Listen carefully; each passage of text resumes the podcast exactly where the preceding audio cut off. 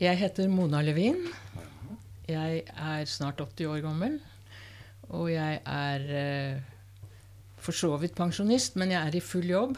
Ja, pensjonær og jobber for folk, Ja. Eh, Både som teaterresensent for eh, Norges største avis, Aftenposten, Ja. og som redaktør for en nettside som heter klassiskmusikk.com. Så jeg har masse å gjøre. Dessuten holder jeg mange foredrag Ja. Og skriver bøker innimellom. ja. Hva skal du bli når du blir stor? Ja, det har jeg lurt veldig på. Jeg vet ikke. Kanskje, kanskje jeg skulle ta en ferie? En semester? du skal ta ferie. Ja, ok. Vil du berätta litt om din familj, din bakgrunn? Var, var dine foreldre og hvor slekten kom fra osv.? Ja, eh, min slekt kommer fra forskjellige deler av eh, Tsar-Russland opprinnelig. Men min mormor ble født i Norge. Eh, Min morfar ble født i Sverige, i Gøteborg. Göteborg. Eller er det Malmö? I hvert fall ble født i Sverige. Og min morfar ble født i Sverige og, og kom til Norge da han var åtte år gammel. Til Fredrikstad.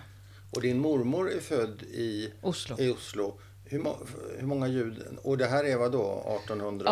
1882. Ja. Hur många judar fanns det i Norge på den Nei, tiden? det var Var jo mange. ikke mange Det, det er jo 1500 i dag, Ja. så det var jo ikke ja, men det har vært et krig imellom? Det har vært et krig imellom, og det er færre nå enn det var før krigen. Ja, ja, Og, men det er svårt. Men det er det jo åpenbart i Sverige også. ja. Svårt i hvilket avseende mener du? Ja, det er jo ikke juder igjen i Malmö. Ja, ja, ja, ja. Jeg tror det var derfra min bestefar kom fra. Ja. Malmö. Det fins juder i Malmö, men det, en del tycker det besværlig. De er hemmelige, kanskje. Ja. Nei, Men de fleste, har jo, de fleste har jo reist derfra. De er jo forvist fra Malmö. Ja. Uten at myndighetene har brydd seg det ringeste. Det syns jeg er en veldig stor skam for Sverige. Som jo reddet oss under krigen, da.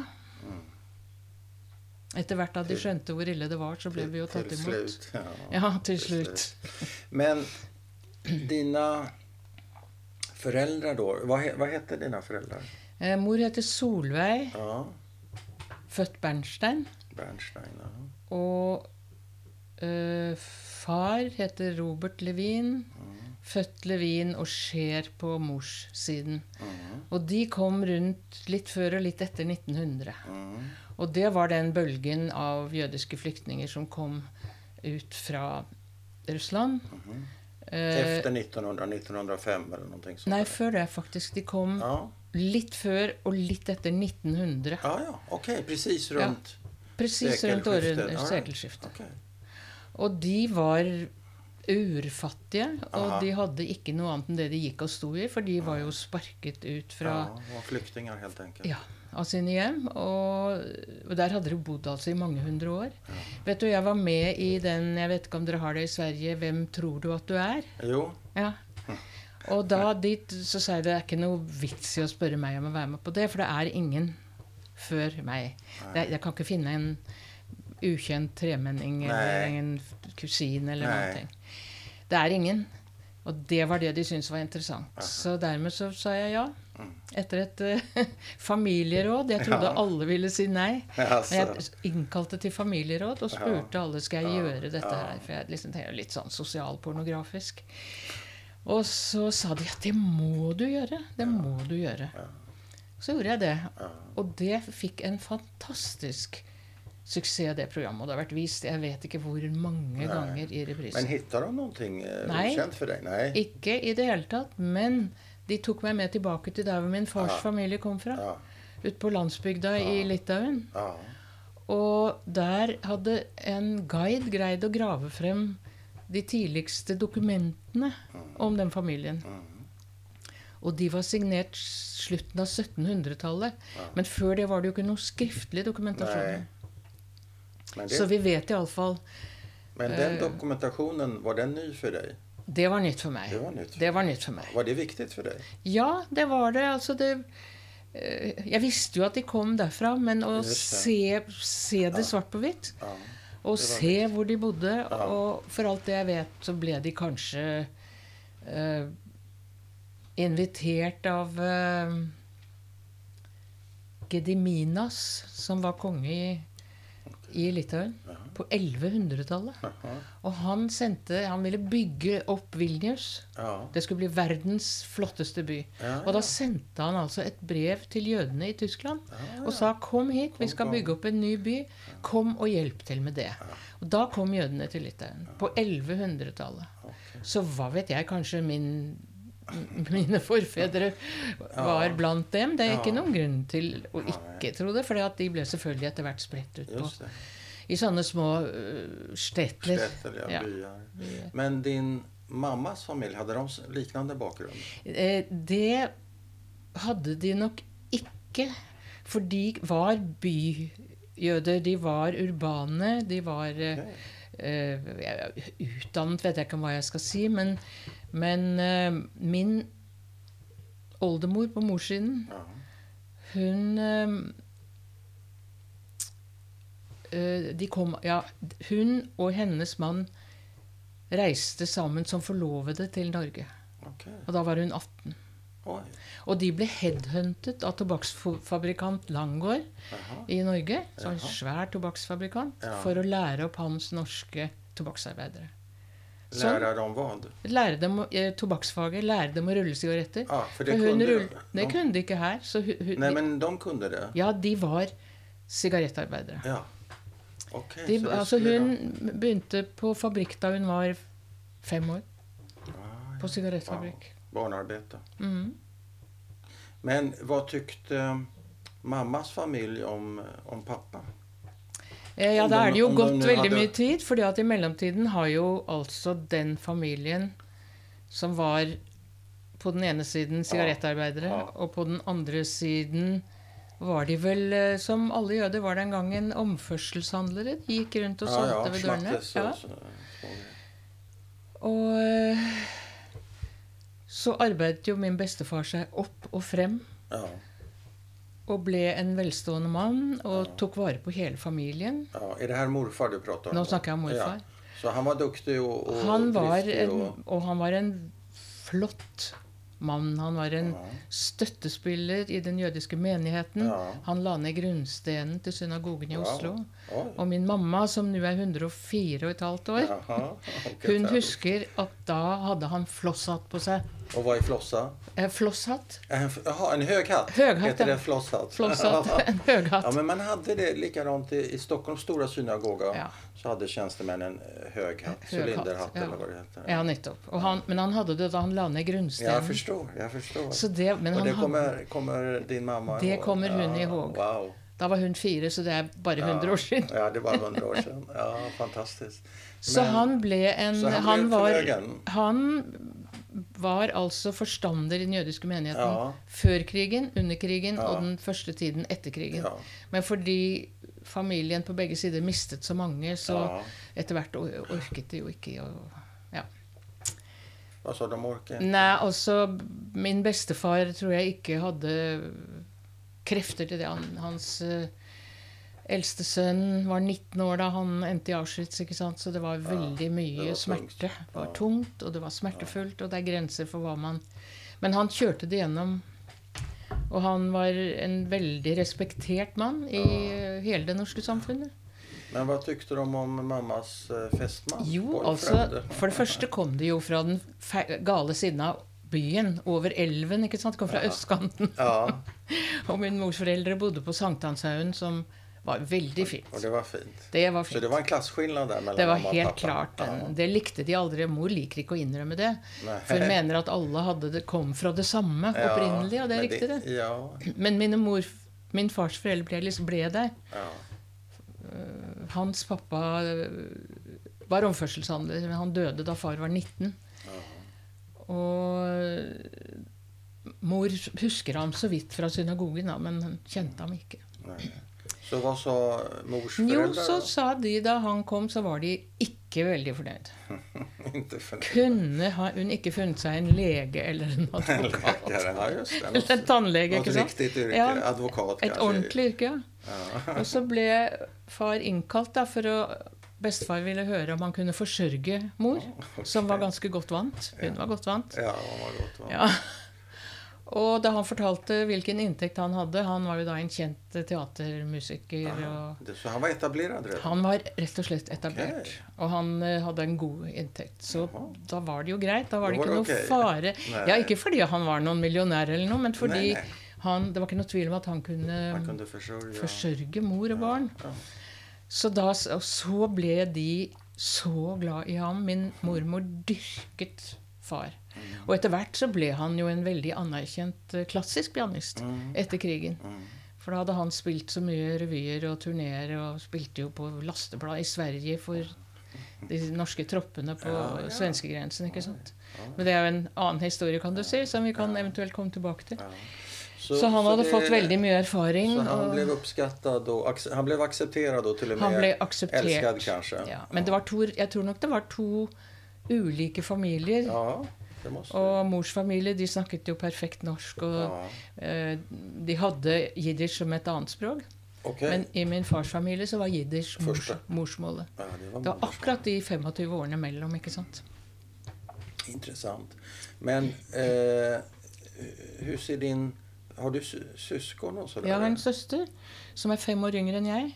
Ja, så du er storesøster? Jeg er storesøster. Ja. Och vad kommer du ihåg fra når hun eh, Nei, jeg, jeg ble, Da vi kom over grensen til Sverige, så var jeg ganske traumatisert. Ah, ok, men det skal vi ta først. Ja, Så hun fødes i, i Sverige? I slutten av 1944 i Sverige. Just det. Ja, Og da Det var Ja, skal Men, vi eh, ja, vi, vi tar din historie nå, for at Hvor gammel Når er du født? Jeg er født i 1939. Jeg er førkrigsmodell. Ja, førkrigsmodell. ok. Det er en bra modell. 1939? Ja. Okej. Vad är ditt första minne? Ja, det har jeg det har spurt meg selv. Nå har jeg hørt så mange historier, så jeg Ja, man vet jo ikke. Jeg vet at Men jeg eh, var veldig, veldig opptatt av faren min. For han var jo aldri hjemme. Han spilte om kvelden og han spilte om dagen. og sånn. Så jeg vet at jeg har stått i et vindu og sett etter ham og vinket når han gikk. Det var enda i Oslo, altså før vi reiste. Ja. Jeg var akkurat fylt tre år da vi flyktet til Sverige. Så du har stått i et fönster og vinket til pappa som Ja. går vei og jobber på kvelden? pappa kom hjem. Ja. Ja, kom hjem, Ja, Okay. det, det er et minne. Det er et minne. Og så husker jeg fra Hammarbyhøyden i Sverige Ja, ja, Mitt første minne derfra ja. det var at jeg satt oppå kjøkkenbordet på en sånn uh, voksduk som man hadde den ja en gangen, vaxduk, ja. og så ut på de andre barna som lekte. Aha. Og vi kom jo over, da hadde jeg en sånn overall, altså lekedrakt eller utedress på meg, og så hadde mor fått med seg en til. Og de store guttene dyttet meg sånn at jeg falt i sølen, og da måtte jeg gå på skiftet, og så gjorde de det en gang til. Ja. Da hadde ikke jeg noe mer å ha på meg, så jeg måtte være inne mens de to Ja. dressene tørket. Og da satt du på bordet? Da satt jeg på bordet Og og så ned på dem. Det husker jeg. Det husker jeg veldig godt. Og var du glad eller lessen? du, Jeg var jo veldig lessen, kan du skjønne. For at de hadde knuffet deg, eller for at du ikke fikk Nei, mer och at leke med ikke jeg dem? kunne komme ned ned og det. leke med poikisen. Du ville ner. Jeg ville ned til poikisen. Det husker jeg veldig godt. Og så gikk jeg i barnestuga, og jeg ser jo for meg at jeg gikk gjennom en stor skog. ja just. Men det var vel ikke lange veien. Nei, Men mor husker veldig godt at jeg kom hjem med en sånn karse, heter det det på svensk? Et sånn eh, som man dyrker i bomull, vet du. Et sånne frø, og så blir de sånn som man kan ha på brød. Og på særlig på ost. Iallfall kom jeg løpende hjem fra barnestugan og sa 'Mamma, mamma, titta! Jeg har en gresmatta åt deg'. Jaha, Nå nu vet jeg. Krasse. Krasse, ja. Korse. Krasse, Krasse. förlåt. Ja, jeg hengde Så jeg Så i du kom hem med kom, kom hjem med krasse og Hadde sa du... 'Mamma, mamma, Ja. jeg har en gresmatta åt Ja, deg'. fint. Det kan jeg huske, og det husker hun. Och vad kan du berätta om, om er flykt? Alltså det, du är ju bara tre år då. Jag är tre år, så- Så det får bli, du får återberätta kanske vad andra har berättat för dig. Men vad är bakgrunden och varför och hur gick det till och så vidare? Da må jeg jo begynne med at tyskerne okkuperte Norge. Mm. Og okkupasjon er jo noe svenskene ikke vet noe om. Hvordan det er. det är vi dåliga på. Ja. Gudskelov. Det skal dere være glad for. Ja. Men det som skjedde med jødene, var jo at de gradvis, akkurat som i Tyskland, og som i Russland før det. Ja. Altså Tsaren han kunne jo skalte og valte, gjøre akkurat hva han Ja. ville. Kosakkene fikk lov å dra ut og gjøre hva de ville med jødene. Og det samme skjedde jo i Tyskland. Gradvis ble borgerrettigheter og alt mulig annet fjernet. ikke sant? Man mistet Tenk på de tyske jødene som var tyskere enn tyskerne. Og tenk på alle de som hadde kjempet i første verdenskrig. Og, Assimilera, gode tyskar. ja, ja, ja. Og hadde medaljer. De norske jødene var vel gode Veldig gode nordmenn. De var så stolte. Ja. For de hadde jo aldri fått være, ha noen nasjonalitet Nei. i Russland. Nei. Så det å komme til Norge og få lov å bli norske, Ja. og ha samme rettigheter som andre mennesker i et land, det var altså Det var så stort. stort. Ja. Det var så stort. Ja. Og det var så stort at den første rabbineren som kom hit, Samuel, rabbiner Samuel het han vel, han Det var jo en dikt... Unnskyld, det var en dikter som het Wergeland, Henrik Ja. Wergeland. Han Som jude. Han var Ja, og han kjempet frem Ja. eh, For i, i Nå hopper jeg jo litt her, men i Grunnloven av 1814 så var jøder nektet adgang Mm. til riket. Mm. Så du kan si, hvis vi skal snakke mer om antisemittisme etterpå, så ble den nedfelt Ja, i den norske grunnloven, samtidig som den ble fjernet fra alle grunnlover utover hele Europa. Eh, men den kjempet han mot. Han syntes det var en skamplett på grunnloven. Han syntes det var barbari. Og han opplevde ikke at den eh, paragraf 2 ble opphevet i sin tid. Men Nej, bare noen år etter hans Ja. død så ble den opphevet. han dog i førtid, va? Han dog før 1851. Jeg tror han Han var ikke så gammel. Han var 33, Ja. tror jeg, da han dog. 33 eller 37. Ungefær som Jesus. Okay. Sånne store revolusjonære som dør unge. Så De som vil endre verden. Og det ville han. Og han var jo et barn av opplysningstiden, Ja, Henrik Wergeland. Men okej, världen krymper hele tiden for de Verden norske krymp, krymper og krymper Ja. hver dag. Ja. Og i 1942 så gjeninnfører Quisling, Mm. Norges største forræder, gjeninnfører den såkalte jødeparagrafen. Mm. Det heter den ikke, den heter paragraf 2, men det er blitt hetende jødeparagrafen. Mm. Og hva sier den? Den sier at jøder tåles ikke i Norge. Eh, og det Så fikk de kartlagt Alle de sendte ut eh, skjemaer som hver eneste jøde skulle fylle ut. Mm. Med navn og fødselsår, adresse Alt skulle stå der. Eh, religionstilhørighet, som om ikke de visste det. Og dermed fikk de katalogisert alle. Om man ikke gjorde det da? Ja. Nei, hände? da det, du hadde ikke noe valg. Det var inget valg. Du hadde ikke noe valg. Da måtte du rømme Ja. like så godt flykte med en gang. Ja. Men eh, folk Man tror jo at dette går over. Alt går over, ikke sant? Og så var det sånn som min far. Han ville ikke reise fra mor og meg. Nei. Og han hadde en gammel mor og to søstre. Han ville ikke, alle hadde jo noe eller noen de ikke ville reise fra. Man hva slags menn er det ikke sant, som flykter og lar kvinnene sitte Det kunne de ikke. Helt til de var helt nødt. For det var jo ingen som trodde at tyskerne ville ta, nazistene ville ta kvinner og barn.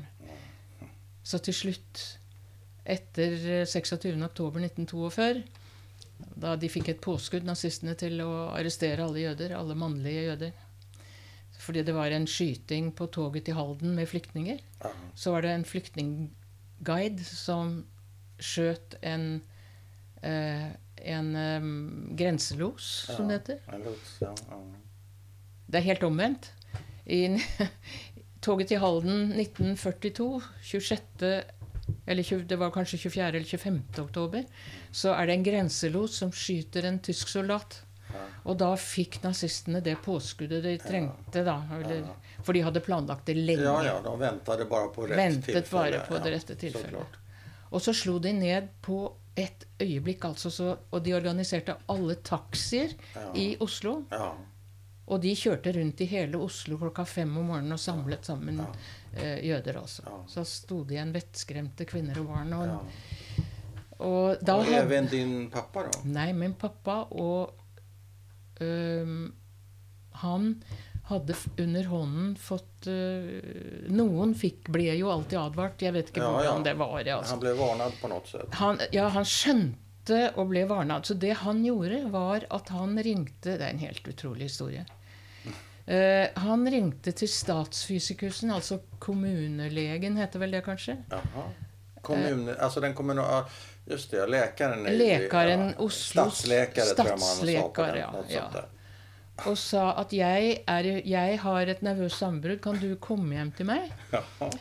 Og et, far spilte jo den gangen på Chat Noir, han var kapellmester på Ja. Chat Noir, og på scenen sto sønnen til statsfysikusen og dennes kone, og de eh, var omgangsvenner, ikke sant. Ja, Okay. Så han ringte dit Jaha. og sa at 'jeg har et nervøst sambrudd, kan du komme hjem til meg?' Ja, sa statsfysiker Diesen, «eh, det kan jeg, men eh, hvordan vet du at du har et nervøst sammenbrudd? Og så sier far, kan du ikke høre det? og da gikk han bodde to kvartaler unna, så han kom opp til far. Far forklarte situasjonen, og statsfysikusen la ham inn på Ullevål sykehus, på sjette avdeling. Og det var den Var avdelingen? Ha- Ja, psyken, Ja. psyket. Psyket. Og der lå det tolv jøder fra før, som andre leger hadde lagt. Ja. Og der lå han en stund, til, eh, til det kom beskjed fra det, noen, Alt var så stille, ikke sant? For at noen sykesøstre var nazister, og noen var i undergrunnen. Så da var det, kom det en lege Ja. En dag og sa i kveld må dere ut, for nå er vi avslørt. Og da krøp far ut av et vindu sammen med en mann som var far til en som skulle bli min tante siden. Eh, Men hvorfor ut gjennom, varför gick han ikke ut genom... eh, gikk ut gjennom fønsteret, for tyskerne var på vei inn gjennom døren. Oi, de var på vei i samme øyeblikk? I samme altså. øyeblikk. Så det, hele denne historien er altså så utrolig. Ja. Alt kunne gått galt, og så gikk i hvert fall noe riktig, da. Og så ble de hjulpet av eh, undergrunnen, motstandsbevegelsen, og lå i dekning her og der i en uke. ja. I, innrullet i tepper og jeg vet ikke hva, i kjellere. Inrullade i matter? To, disse to mennene lå Ja. en hel natt innrullet i en matte. Hvor det romsterte tyske soldater rundt dem.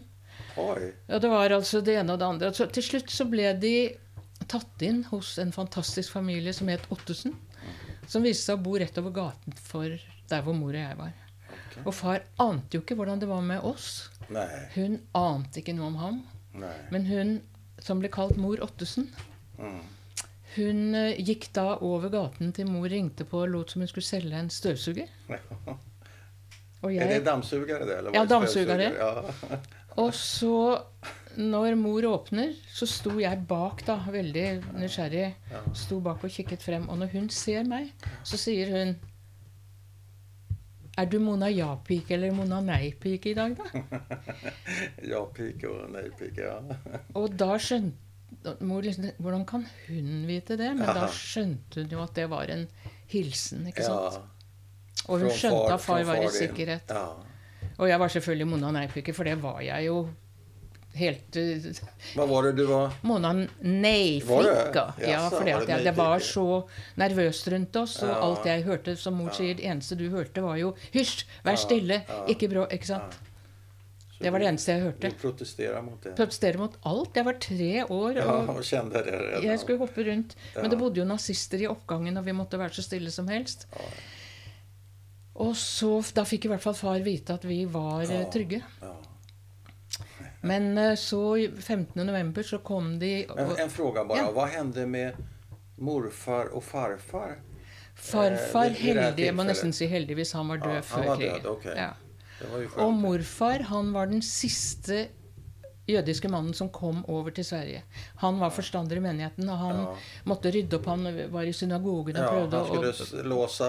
Han låste Han siste... Ja, ja. skapet, ikke sant? Og etter krigen, det er også en fantastisk historie, men da var, der hadde de ikke, de hadde ikke trukket fra teppet, så de visste ikke hva som lå inni der. Nei, så det var oerhört. Det var intakt. Men hele resten av synagogen var full av tysk soldatporno. Så han var den første som kom tilbake fra Sverige. Ja. Og da visste, For han skulle fikk lov å komme hjem for å sjekke synagogen. Ja. Eller synagogen ned, for det var to før krigen. Ja, just. Og siden har det bare vært én. Og da han greide jo ikke å få noen til å ta det der drittgreiene. Og til slutt så ringte han Frelsningsarmeen, og de tok og hentet det. Og kjørte lass på lass på lass med tysk soldatporno og makulerte det. Og makulerte. Wow. Hvilken historia. Så det er, det er Men inredningen var ikke förstörd? Jo, altså alle Eller- benkene ja. var skrudd opp. Og, Det var det, okay. ja. og så hadde de brukt det som stall. Men uh, de hellige rullene de var bevart bak dette. Ja. Ok, men uh, da har vi litt koll på läget. Så, så pappa vet om at ni er i livet är i livet. livet. mamma vet om at han er i livet. Så kom, Och ni er altså mitt imot hverandre, men det vet ni ikke? Det vet vi ikke før lenge etterpå. Alltså bokstavligt talt. Bokstavelig talt over gaten. Imot hverandre. Ja, jeg tror han var i Gabelsgate 45, og vi bodde i Gabelsgate 46. Nei. I et bakrom hvor det sto en ryggsekk pakket. Ja. Og hvor han hadde fått beskjed om at hvis noen plystrer en eller annen melodi, så må du ta sekken og hoppe ut av vinduet. Og han satt der i to-tre uker. Han holdt jo på å bli gal. ikke sant? Og så slapp de ham ut 20 minutter hver natt, så han kunne få røyke litt. Det var den absolutt den eneste adspredelsen han hadde, var å røyke. Så han ble jo en innrøkt mann den gangen. Eh, og så kom jo den natten hvor de, måtte, hvor de ble hentet eh, og, ble sendt hit og dit og dit, og til slutt kom over til Sverige under et høylass. Et høylass. Og der lå det seks flyktninger. Varav bl.a. annat din pappa? Ja, det var fem jøder, Aha. og så var det en tysk desertør. Han orket ikke å kjempe for tyskerne. en desertør.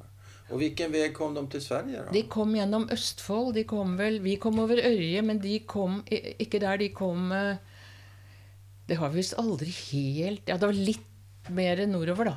Eller, men det er men på sa du, ett Østfoldsiden. hölass draget av en, eh, Av en hest. av en hest. Fordi en bonde han fikk lov å dra over med Ja, mat til jaha. Han fikk Kuna hans fikk Ja. lov å beite på Ja, svensksiden. ja. Og så dro han over.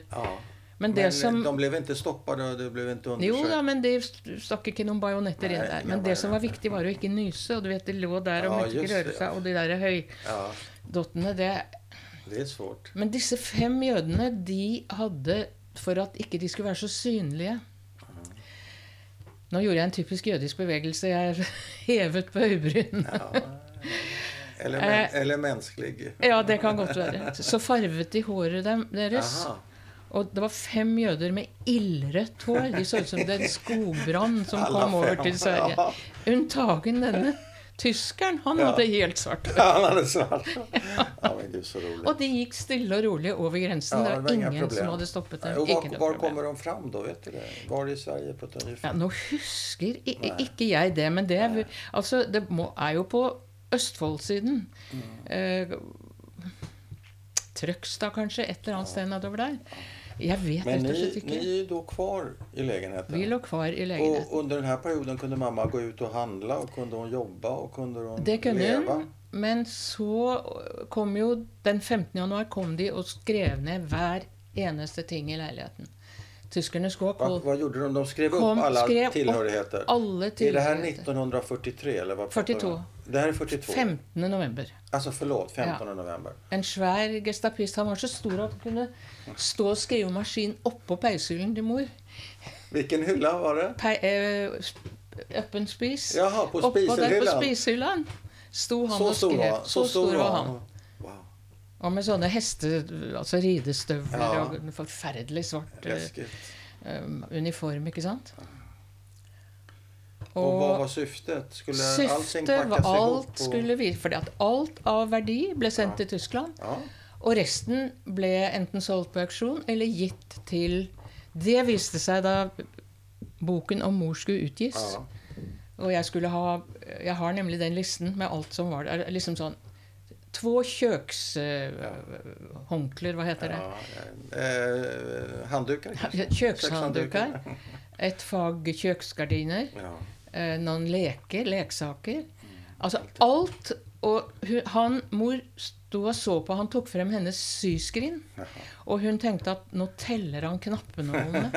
Og han sto nok og så ned der, men han gjorde ikke det. altså. Ellers så var det Men nästintill. hver eneste ting. Ja. Och skänktes en del grejer till Til, vem? til ehm, Lebensborn. Mød, altså mødre som fødte barn av raserene tyskere. Det var jo mest SS-soldater, da.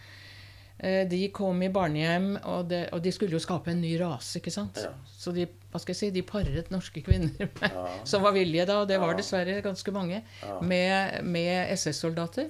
Og avkommet ble da kalt Lebensborn. Og dette var jo en ting som er kjent i, i nazitiden. Og de fikk de en del av våre ting.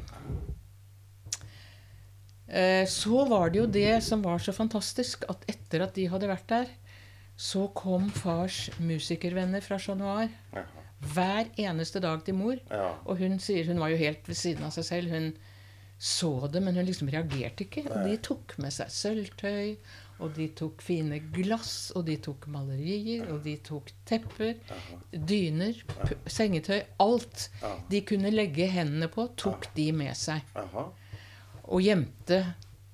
Men då saknades ju massa saker Ja, på men da var jo mor lista. borte. Så da, Ja. ja, da var jo mor borte. Da var vi jo borte alle sammen. Da Ni var borte da? då redan? Ja, da var vi jo borte for dette 26. november. Dette er 15. november, ikke sant? Ja. Så ble vi kastet ut av leiligheten Av hvem? av tyskerne. Og så fikk mor tildelt et rom. Ja. Og der ville hun ikke bo, så hun gikk til sin bestemor. Ja. Men bestemoren, som hadde dårlige nerver som det var Jeg bråkte, ikke sant? Og da ville hun kaste meg ut av vinduet. Ork, hun orket ikke mer. Et øyeblikk. Hvem Vem hvem ut av... Ingen kastet meg, men, Nei, men min, hvem ville? Hun Din som- mormor? min oldemor på morssiden Din mormor? Nei, min oldemor. Alltså mammas, ma, Min mammas mormor? Ja. Mammas mormor. Ja. Og hun, det var hun som kom 18 år gammel fra Vilnius. Ja, alltså cigarettrullerskan. Ja. och hon hade dåliga nerver som man sa på den Ja, tiden. det hadde hun. Och hon var så, så Og nervös. hun hadde vært flere ganger innlagt, for hun Ja. mistet tre barn i løpet av tre år. Og hun kom seg aldri av det. Så Men var det i, i förintelsen? Eller var, Nej, det Varför var- dog de tre barnen? de døde fordi det gjorde barn den gangen. En var en krybbedød, og så mistet hun tvillinger i fødselen. I fødselen, ok. Og de gravene ligger faktisk i Oslo, på Sofienberg. Det er den eldste jødiske Ja. gravlunden. Ja. Der ligger de. Men hun var så... Hun ble da fordi hennes bror Ja. og hennes uh, uh, barnebarn, hennes uh, mann, var arrestert. ja. Og, og da, da bikket det helt over for henne. ja. Så, og så flyttet alle En husholderske flyttet inn med en hund. ja. Og så kom eh, eh, mor med meg, og det var enda noen andre som plutselig De hadde ikke noe sted, og så gikk de Nei. henne.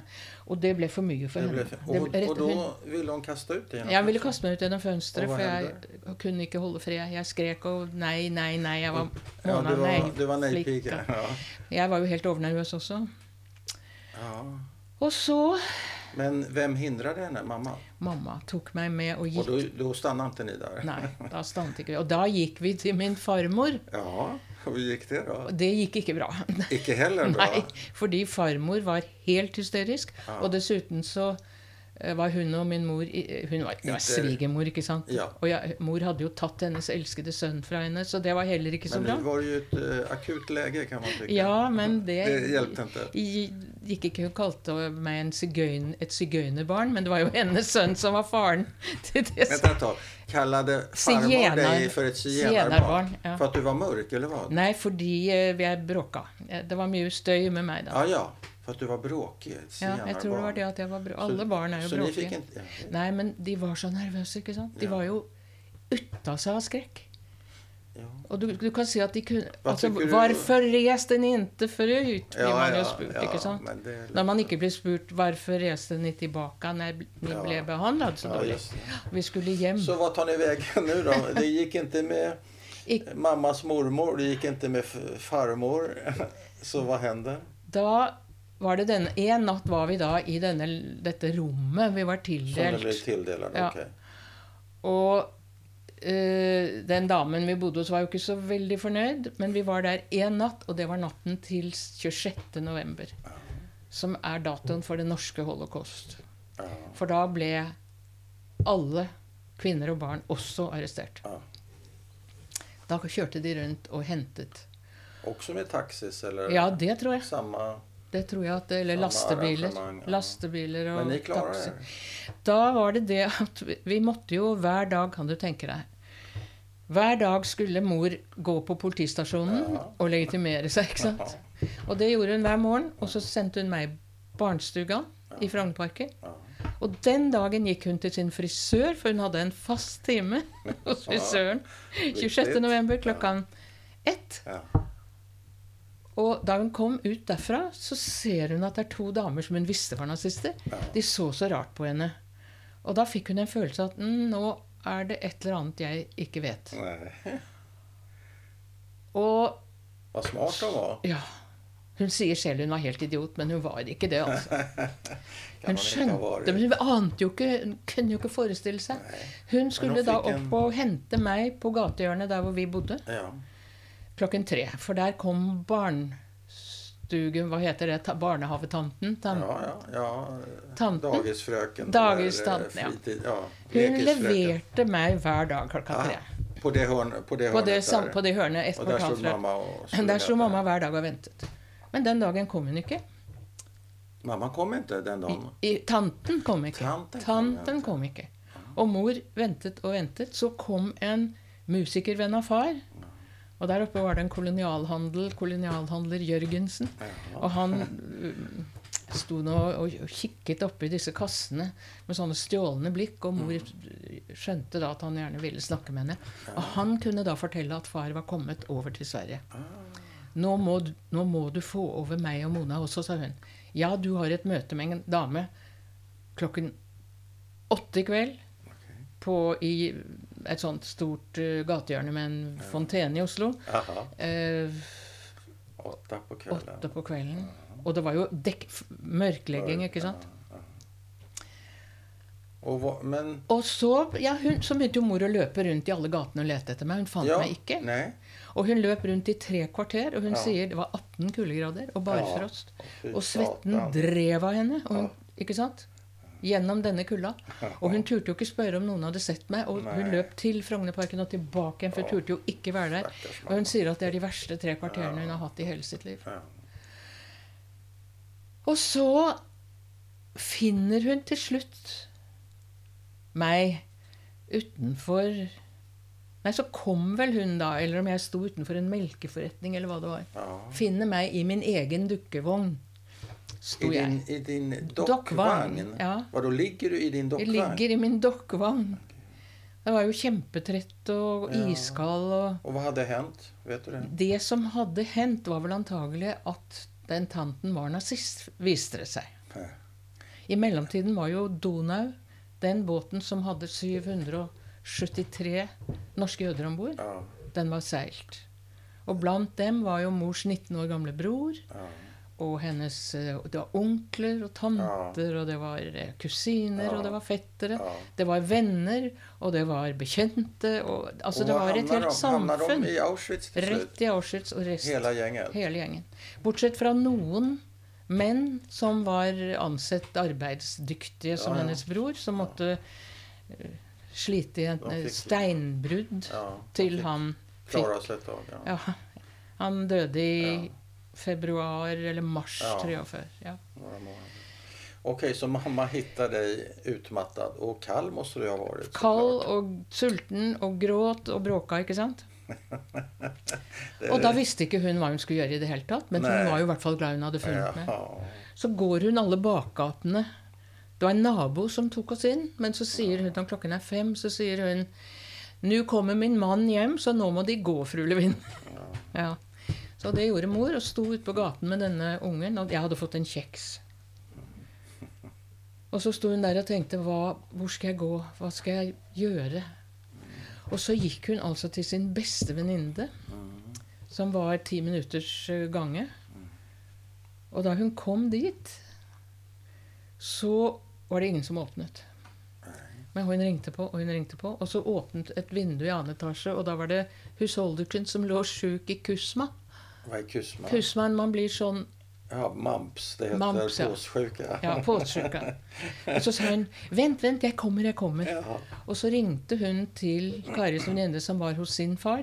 Disse var alle i motstandsbevegelsen. Og hun bodde langt oppe i Kirkeveien, og mor sa hun fattet ikke hvordan Kari kunne komme så fort derfra hjem. Og da hun så mor, så falt hun på kne for henne og slo armene rundt knærne hennes og sa 'takk for at du kom til meg'. Det syns jeg er noe av det mest rørende i hele den historien. Det er fint. Eh, Og så gikk Takk for eh, at du kom til meg, Ja, takk for at du kom Ja. til meg. Mm. Og så gikk de der klokken åtte til dette møtet. Og da tok de mor Altså da de hentet meg, da, så dro de til Akers sjukehus søsterhjem, altså der hvor sykepleierskene bodde. Søster, Ja, Søsterhemmet. Ja. Og der var vi i to døgn, og da var det med beskjed om at det måtte ikke komme et knyst. Men et øyeblikk. Derfor hun hadde jo et møte klokken åtte på kvelden. Det var der hvor vi møtte dem som tok oss med Ah, til sykehjemmet. Okay. Ja. Mm, da forstår jeg. Og, og denne, der skal dere være i två dygn og ni får ikke si et knyst. Ikke et Hur går knyst. det da for deg? Ja, det Mor sang og leste, og alt i sånn hviskelyd, ikke sant? Og hvis vi skulle på do, måtte vi gå ut på gangen, og ingen måtte høre. Vi kunne ikke trekke ned, ikke sant? Og, nei, det, var, det må ha vært helt fryktelig. Jeg husker jo ikke dette. Men mor Men har du noe kroppsminne fra den her Ikke fra det, men uh, Men kanskje sen? sen. Ja, Okay. Men det sitter jo i mors uh, ryggmarg.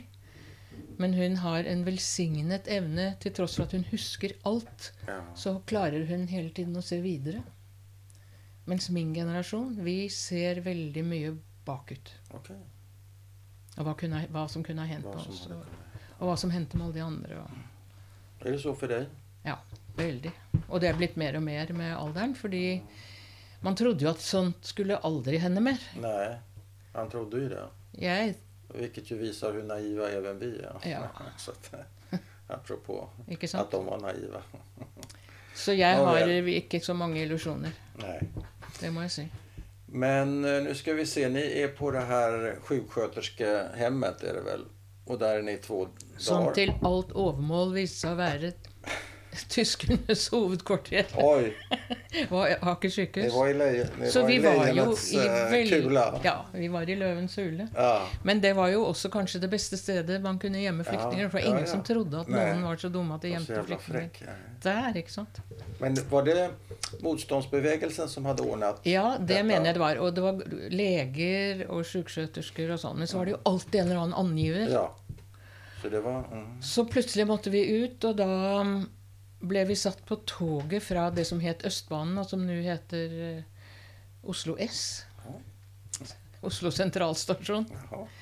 Østbanen, og det toget skulle gå til Askim. Og det toget var fullt av tyske soldater. Mot- Askim, i hvilket land lever vi nå? Norge, i Østfold. Mm. Og antagelig var det derfra far kom over.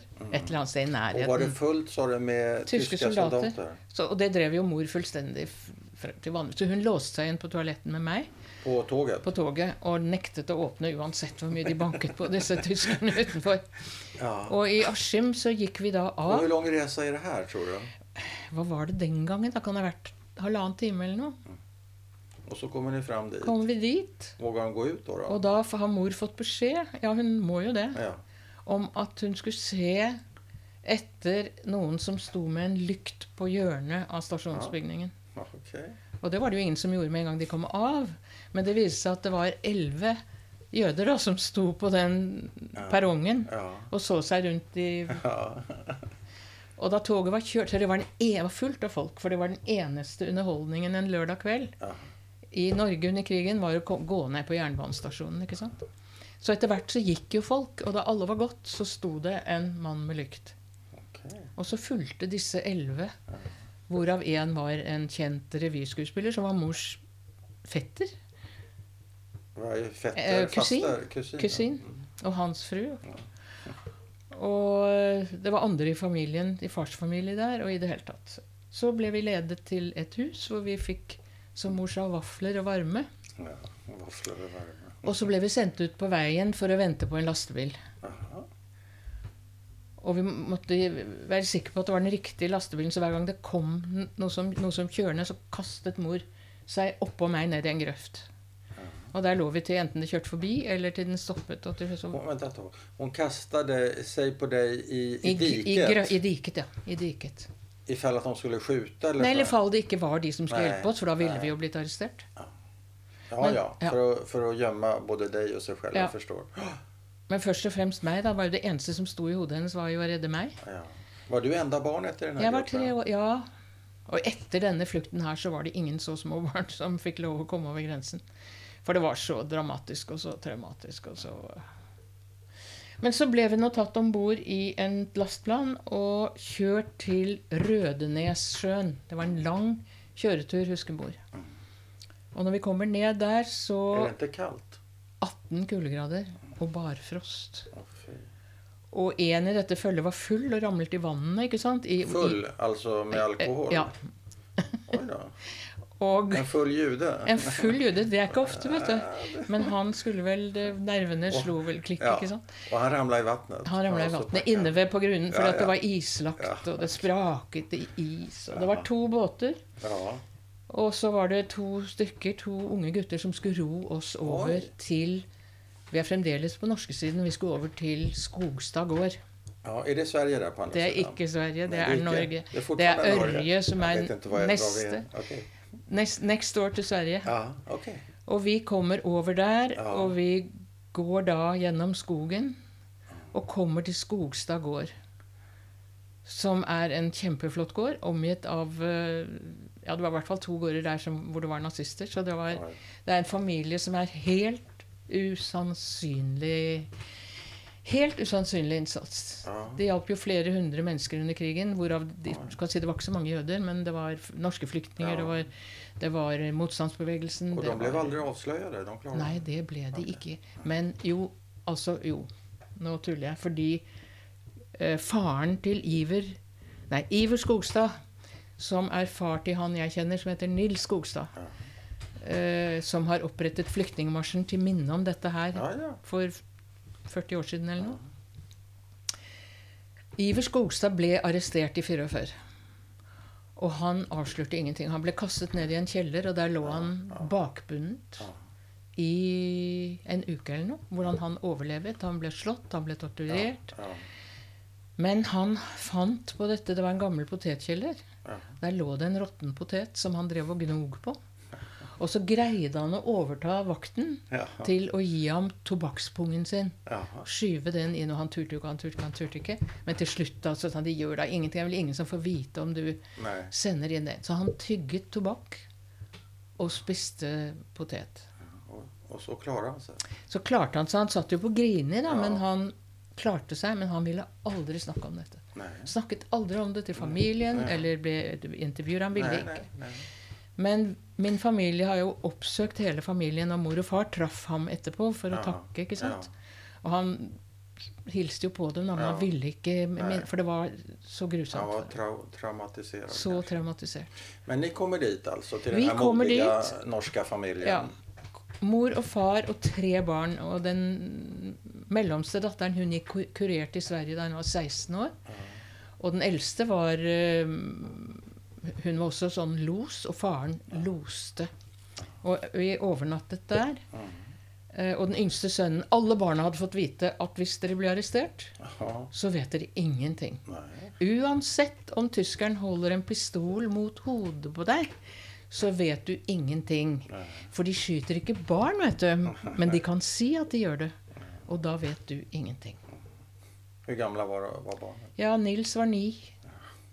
Så var det to litt eldre søstre. Mellom 9 og 16. da. Jeg synes det er, Og dette er jo for mennesker de ikke kjente. Nei. Men de syns, de syns ikke de hadde noe valg. Nei. De måtte hjelpe. Sånn var de. De bare var sånn. Mm. De måtte hjelpe mennesker i nød. Ja, de ville vel gjøre rett. De ville gjøre Vissa rett. vil gjøre rett. rätt. Og jeg tenker på den moren, Martha het hun. Hun måtte jo melke kyr klokken fem om morgenen. Jaha. Og så måtte hun er det datteren det, eller, eller fruen? Fruen. Iver var l- Ja. mannen, Ja, og Martha var Martha var konen. ja.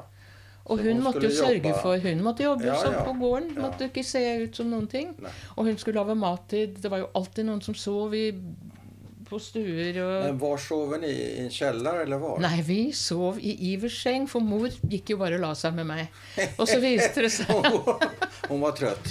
Hun var trøtt, og hun gikk bare og la seg i en seng. hun. Jaha. Så der, der ligger ni? Der lå vi, og så lå Iver og Martha ved siden av. da. Og så ble vi vekket klokken fem om morgenen, og hun skulle ut og melke. Ja. Og da ble jo mor helt fortvilt og begynte å gråte. Så har jeg tatt sengen din. Nei, nei, nei, det gjør ingenting. Jeg har bare så vanskelig for å sove sammen med noen, skjønner du. Og så fikk de frokost. Nydelig frokost. Ja. Og så gikk den siste etappen, eller for så vidt Ja. den siste etappen. Og før vi gikk fra gården, så fikk jo jeg sovepiller. Mm, søm, sömn. Søvnmiddel. Varför? Fordi at jeg ikke skulle skrike. For da ville vi bli Hade du gjort det tidligere? Nei, vi hadde jo ikke vært noe så Ja, jeg skrek jo hele tiden. Hvorfor Men- skrek du for? For det var kaldt, og jeg var redd. Jeg var jo i mellomtiden blitt forferdelig redd. Ikke sant? Det, det var det. Det var klart jeg var redd. Og så skulle vi opp og gå i denne Men med sømmedel, da kan du ikke gå. Nei, og mor måtte bære, men det tok ikke. Altså, det ble ikke Det tok ikke. Du sovna ikke? Nei, Og jeg fikk mer, og det Ja. tok ikke. Jeg sovnet ikke. Nei. Og hele denne resten av Det var en tre timers eh, gåtur rett oppover til Ja. grensen. Ja. Og jeg ville bare la mor bære meg. Og en treåring med vintertøy ja, det og Beksomstøvler. Men hun bærer hun deg? Sånn. I famnen? Ja. Og det var mange av mennene. Vi var elleve stykker Ja, i den gruppen. ingen annen fikk bære. Jeg fikk ikke bære. Da slo jeg meg helt vrang og skrek som et dyr. Og etter hvert så hadde jo, oppdaget jo tyskerne oss. Og jeg fikk, jeg fikk noe mer noe valium, antagelig. Det tok ikke. Og så til slutt, helt på slutten, da hadde vi gått altså i to og en halv time, så hører vi tyskerne bak oss, og vi hører hundebjeff, og vi hører skudd. Saken var De var jo aldri ute i skogene på natten, disse feige tyskerne. For det turte ikke. De syntes det var skummelt. Men den natten hadde to tyske soldater desertert fra forlegningen i Ørje. Så de var ute på jakt etter sine egne. Og så kommer de over denne gjengen med elleve jøder og prøver å finne ut hvor vi er. Og så eh, Mors fette kusin da spør mor til slutt, for da var det så dramatisk. Det var én i følge som prøvde å gi meg noe som, uten at mor så det, og da hun ham en knallende ørefik ute i skogen. du det? Ja, Det aksepterer du ikke.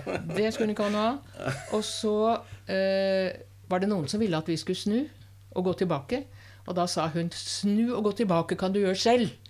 Din mamma? Ja, sa hun. Så det var ikke snakk om. Hun skulle til Sverige med ungen sin. Ja, de ville at ni skulle återvende så Ja. så at de skulle kunne, være med, med, med problemet Mona. Ja, med det dette hyllende problemet. Ikke sant? Oj, men det, hun stod på seg der. Hun, og hun var sprek. Hun var sportsjente. Hun holdt seg helt opp i ryggen på Iver Skogstad. Og, så hun var jo den som greide å gå fortest av alle sammen. ikke Ja, sant? Så kunne de jo heller henge på henne. da. Kom her, sa han til henne. Kom, følg meg. Gå Ja. tett opp til meg. Ja. Og han tilbød hele tiden å bære meg, og det var ikke Ja. tale om. Og så kom kusinen og sa kan jeg få lov å gi Mona en dråpe flytende sovemedisin. Jeg lover deg én dråpe. Og så måtte jo mor si ja. Men det ble to, sier hun etterpå, for det så hun. Og dermed gikk jeg rett inn i bevisstløshet. Da ble jeg bevisstløs. Og da satt Medvetslös? Medvetslös. Och vad, vad var det for dropper? Han sa flytende sovemedisin. Okay. Det har vært en bombe Da, Då sa du, ja, da ble du medvetsløs? Med, fullstendig. Fullstendig medvetsløs. Og da tok Iver Skogstad og satte meg oppi en ryggsekk. Jaha. Hvor det var klippet hull her nede Jaha. rundt livet til Ja, barneføtter. Ja, som en barnsele. Ja, og så tok han av meg eh, bekksommene, hva er det det heter igjen det på svensk? Jeg har visst det. Sånne tykke norske skistøvler som han hadde den gangen. Jaha, okay. B b det heter noe på B. Eh, det kommer ikke nå. Vet du det? Pjesk, pjeksor. Ja, ja. Jeg sa jo at det er på B. Ja, BP. Det er rett sån där. Pjeksor heter det. Ja, ja, pjäxor ja. Og så masserte han mine tær, som var fullstendig frosset. Og han, etterpå sa jo en lege at hadde ikke han gjort det, så hadde jeg ikke hatt ben. Så han visste hva han gjorde i Iver Skogstad. Altså. Og hodet dinglet frem og tilbake over kanten på den sekken. Og så gikk Var du vi vänd bakåt da, mot mamma eller var du vendt Nei, framåt? jeg tror det? at jeg var satt inntil ryggen hans. Altså med litt- min front mot hans rygg. Så fikk du litt skydd kanskje også? av Ja. hans rygg. Ja.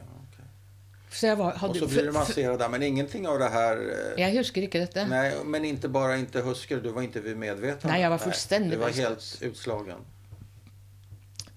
Og så kommer vi opp i nærheten av grensen, og da hører vi tyskerne bak oss og hører skudd. Og så sa han 'nå må vi løpe'. Og så kom vi opp, og så sa han 'nå er vi ved grensen'. Nå må dere gå videre, og husk, gå til høyre. Går dere til venstre, kommer dere inn igjen i Norge. Og mor gikk selvfølgelig da til høyre. Ja. Og ha, da vi kom frem fem, Nå er vi 50 meter over grensen, sa han. Nå kan vi puste. Og da tellet han, og så var det ni og ikke elleve i den transporten. Og det var et gammelt ektepar, foreldrene til en fiolinist som heter, het Ernst Glaser. Og han eh, fikk i, sent i livet en sønn som heter Ernst Simon Glaser, som har vært en meget viktig musiker i Sverige, i Göteborg-symfonikerne. Og eh, Så dette går i generasjoner.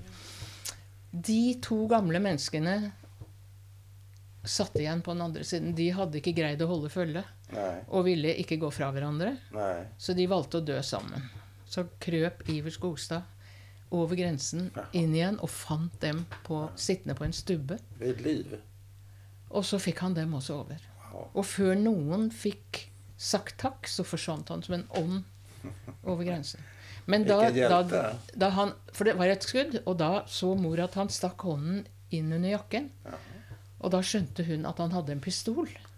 Så han var klar til å få forsvare dem med våpen òg, altså. Men så slapp han nå det, da. Men kunne han gå tilbake? Da snek han seg tilbake. Han kunne jo visste jo vært og ja. Fantastisk. Hvilken, hvilken menneske. Og så gikk vi nedover eh, inn, nedover inn til Sverige. Ja, Okay. Og der ble vi møtt av Hvem er den første du treffer, da? Ja, jeg var jo for... Men mor, Nei, du er Jag men... men mor, det første de treffer, er jo soldater. Ja. Og mor, et øyeblikk så ble hun jo redd for at det var tyskere, men Ja. det var svenske, Det var og de var i svære sånne hvite Ja. eh, Sånn som engelskmennene hadde. Vinteruniformer. Ja, ikke sant? Ja, ja. Men med pels. Ja. Med sauepels. ja, just det. Og de ble tatt imot så nydelig av svenskene og ble ledet inn i en liten stuga og fikk kaffe som smakte kaffe. kaffe som smaker kaffe. eh, men så var det jo det at jeg var bevisstløs, og det var jeg i tolv timer. Herregud. Og den legen som hadde gitt meg alt sovemiddelet, han Mor la ham ned på bakken og sa 'Se på henne, hva er det med henne?' 'Si hva det er med henne.' Og da sa han eh, 'Jeg beklager, frue'. Eh, en mor vet visst best, for mor ville jo ikke at jeg skulle ha noe mer. ikke sant? Så jeg ble erklært død, Oi. egentlig. På gulvet der? På, ja, på bakken da vi kom til? Sverige. Ja, Før svenske soldatene kom. Jaha. Var det en läkare med i, Ja, var en gruppen? Med, var det som hadde gitt de här, Ja, og han var den som hadde sneket seg opp bak oss og ville gi meg noe ekstra som mor ikke ville. Men det var mors kusin som ba om Ja, tilstånd og gi meg de der Men han, Dropparna. han dødforklarte deg? Han dødforklarte meg. Hadde du ingen puls? Jeg, eh, det var ikke noen det var ikke, Jeg pustet ikke, tydeligvis. Og så de, kom vi inn, så gjaldt det å få varmet meg opp, da. ja. Og så etter hvert hadde jeg vel kanskje en slags puls. Og så uh, lå jeg i tolv timer der på gulvet. Så ble vi jo sendt videre til Tøksfors. Og da lå jeg der på gulvet og var bevisstløs. Og på kvelden ble det dekket opp. Vi kom jo inn en søndag morgen. Ja. Og det første mor hørte, var en gudstjeneste på radioen En gudstjeneste på radioen, Ja. fra en svensk fra Stadskyrkan Ja. i Stockholm. En søndag. Ja. Og da var det eh, erkebiskopen eller hva det var, som ba for de norske jødene. Og da brast det jo helt for mor. Da gråt hun i seks timer eller noe sånt. Hun kunne ikke stoppe. Og jeg lå der og var bevisstløs. Og så på kvelden så ble det jo dekket opp eh, alle skulle spise. Og da alle hadde satt seg til bords, Ja. så kastet jeg opp over hele gulvet. Altså Helt- du spydde Spydde. over hele gulvet? Over hele gulvet. Ja. Og det gjorde jeg i et helt år. Spydde jeg et Ett helt år? år spydde jeg tre ganger om dagen. Oi. Altså mellom tre og fire år? I, mellom tre og fire og et halvt, ja. Spydde jeg. Tre ganger om dagen? Ja. Og senere så tenkte jeg jo For jeg liksom fikk så dårlig samvittighet da jeg begynte å skjønne noe av dette her. Hadde det vært bedre om jeg spydde fire ganger om dagen? Hadde det vært mindre farlig da, liksom? Så barn tenker jo i noen rare baner. det var ditt ansvar Ja, det var mitt ansvar, da. Men hvordan har det her satt seg i ditt Det skadet kropps- meg veldig. Hur? Ja, det skadet meg i den forstand at en, eh, i, I øyeblikket ble jeg jo veldig slem. Jeg ble et slemt barn. Slem, er det elak? Elak. Det elaka barnet. Fins det noen elaka barn? Ja, jeg ble elak. Du ble elak? Jeg ble elak. Og For jeg forsto jo ikke, og jeg hadde vært så redd, jeg hadde vært så kald. Ja, men jeg, du arg? Er det det Arg. du mener? Arg. Du ble arg? Ja. Hvem, hvem, eller hva var du arg på, tror du? Alt. Alt. Og jeg visste jo ikke hva jeg var arg på. ikke Nei, sant? men du var arg? Jeg visste at det var begått et eller annet overgrep Ja, mot meg og min kropp. ja det hade. Det har jeg visst. Ja. Men jeg visste jo ikke hva det var, eller hvorfor. Så jeg svarte med aggresjon. Så jeg ble et veldig aggressivt eh, barn. Ja. er ikke rett naturlig. Helt håpløs. Og mor kunne ikke hanskes med meg. Vi bodde Nei. alene på et sånt flyktningområde på Hammarbyhøyden. Ja. Og så innkalte, etter hvert etter et år, så innkalte Eller et halvt år, da. Så innkalte mor tant Siv Ja. i barnestuen. Ja. Og sa hva skal jeg gjøre med det her elaka barnet? Og så sa tant Siv skaffa Mona syskon. Ja. Og så gjorde de det. Men Mona var jo ikke så veldig begeistret for det. det da. heller, Nei. Så jeg syns ikke det var noe stas i det hele tatt. Nei, det var ikke bra. Ville- länge höll sig den her ilskan i seg? Den sitter godt fremdeles. Jaha. Og det er nok noe av det den? som har eh, holdt meg i gang. Ja, ja. At jeg, har vært veldig Veldig rask, altfor rask til å bli sint. Ja. Til å bli arg. Arg. Det har vært et stort problem for meg hele livet. Du har kjent, du kan man si at du har vært, det har vært lett du har vært lettkrenkt, Kan man si. Så? ja, men krenke er et ord vi i hvert fall i Norge Jødene liker ikke å bruke det ordet. Nei. For det er blitt et uh, muslimsk begrep, det der med å bli krenkt. Okay. Men, Så vi, vi blir jo ikke krenkt. Jøder har vært krenkt i 2000 år. Så vi lar oss jo ikke krenke. Nei. Men, Men- uh, om vi prater om deg, Ja. Mona, flickan. Mm. Du har, du har haft lätt, du, du har tappat, vad säger man, kort stubin säger man. Kort Du har blitt blivit, blivit arg Jeg var lett å erte. Jeg vet ikke om hva, Jaha, erte, ja. Eh, hva heter erte på svensk? Terge. Terge. Reta. Det var lättretad. lett å rete reta. Det skulle ingenting til. Så ble jeg arg. Og sånn har det men, vært. men for deg har det vært både og. Det vil säga, Både det har vært et problem for du har hatt et jævla humør, tydligen. Ja. Men det har også vært en drivkraft. Det har vært en drivkraft. Ja, så det, Det har men, det vært. Ja, men du vise det til denne den händelsen? Ja, det gjør jeg. Det eller, eller lenger tilbake också? Ja, til, til denne hendelsen, ikke sant? Ja, men- at, jo, jeg var jo Mona nei-pi- Ja, nei, det- men det var jo fordi det var så urolig og Det var jo så vondt rundt meg på alle kanter. Jeg måtte Du kjente det? Men Jeg er det så at, det at jeg måtte være stille, og alle var redde. Men klarte ikke dine foreldre av å, att deg fra från den der oron? En del har De jo vært med... det, alltså. Nej. Men det kanske var, var de, de kanskje ikke klarer det. Klarte ikke det. De var unge. Far spilte på Regn... Nei, på Rosekjelleren, som var en nattklubb. Ja.